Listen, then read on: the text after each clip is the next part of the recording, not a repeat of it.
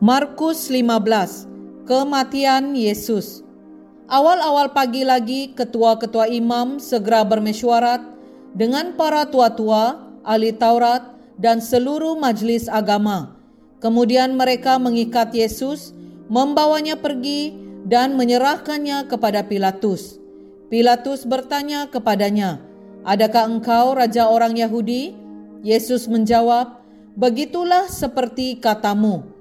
Kemudian ketua-ketua imam melemparkan pelbagai tuduhan terhadapnya. Pilatus bertanya lagi kepadanya, "Tidakkah engkau mahu menjawab apa-apa? Lihat betapa banyaknya tuduhan mereka terhadapmu." Tetapi Yesus masih tidak menjawab sepatah pun, sehingga Pilatus keheranan. Pada waktu perayaan, lazimnya Pilatus membebaskan dari penjara seorang yang diminta oleh mereka. Ada seorang bernama Barabas yang dirantaikan bersama beberapa orang pemberontak lain. Mereka telah melakukan pembunuhan dalam pemberontakan itu. Orang ramai mula berseru lantang, meminta Pilatus membebaskan seorang dari penjara seperti yang biasa dilakukannya.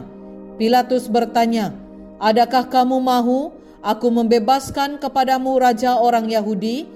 Oleh sebab dia tahu bahwa ketua-ketua imam telah menyerahkan Pilatus kepadanya kerana iri hati.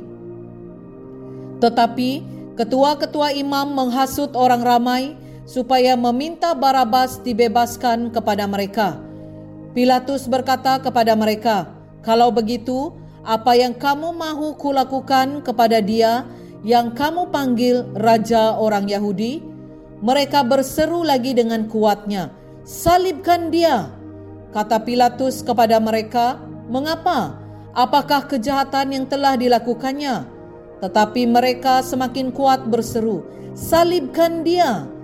Oleh itu, untuk memuaskan hati orang ramai itu, Pilatus membebaskan Barabas kepada mereka. Setelah menyebat Yesus, dia menyerahkannya untuk disalib. Kemudian para askar membawanya ke dewan istana yang dipanggil Praetorium lalu menghimpunkan seluruh pasukan tentera yang ada di situ. Mereka mengenakan jubah ungu pada tubuhnya dan membuat mahkota daripada duri lalu diletakkannya di atas kepalanya. Kemudian mereka menyindirnya, "Daulat tuanku, raja orang Yahudi." Mereka memukul-mukul kepalanya dengan mensiang, meludahinya, kemudian tunduk menyembahnya. Setelah mempermain-mainkannya, mereka melucutkan jubah ungu itu dan mengenakan semula pakaiannya. Lalu mereka membawanya untuk disalib. Ketika itu seorang yang bernama Simon, orang Kirene, bapa kepada Alexander dan Rufus, sedang lalu di situ. Dia baru saja datang dari luar bandar. Kemudian mereka memaksanya mengangkat salib Yesus. Mereka membawanya ke tempat yang dipanggil Golgota, bermaksud tempat tengkorak. Kemudian mereka memberinya air anggur bercampur mir, tetapi dia enggan meminumnya. Setelah mereka menyalibnya, mereka membahagikan pakaiannya antara mereka dengan membuang undi. Mereka menyalibnya pada jam ketiga. Tuduhan terhadapnya tertulis di atas, Raja orang Yahudi. Mereka menyalib dua orang perompak bersama Yesus, seorang di kanan dan seorang di kirinya. Dengan demikian, terlaksanalah apa yang tersurat dalam kitab suci dan dia digolongkan dengan penjahat. Semua orang yang lalu di situ menggeleng-gelengkan kepala sambil mengejek Yesus. Mereka berkata, "Kamu mahu memusnahkan bait suci dan membinanya semula dalam tiga hari? Sekarang turunlah dari salib itu dan selamatkanlah dirimu." Begitu jugalah ketua-ketua imam dan ahli Taurat turut memperolok-olokkan Yesus. Mereka berkata sesama sendiri, "Dia menyelamatkan orang." Tetapi tidak dapat menyelamatkan dirinya sendiri. Kiranya Kristus ini Raja Israel turunlah dari salib supaya kami melihat dan percaya kepadanya. Orang yang disalib bersama Yesus pun mencalanya. Pada jam ke-6 hingga jam ke-9, seluruh negeri itu diselubungi kegelapan. Pada jam ke-9, Yesus berseru dengan suara yang lantang, Eloi, Eloi, lama sabaktani.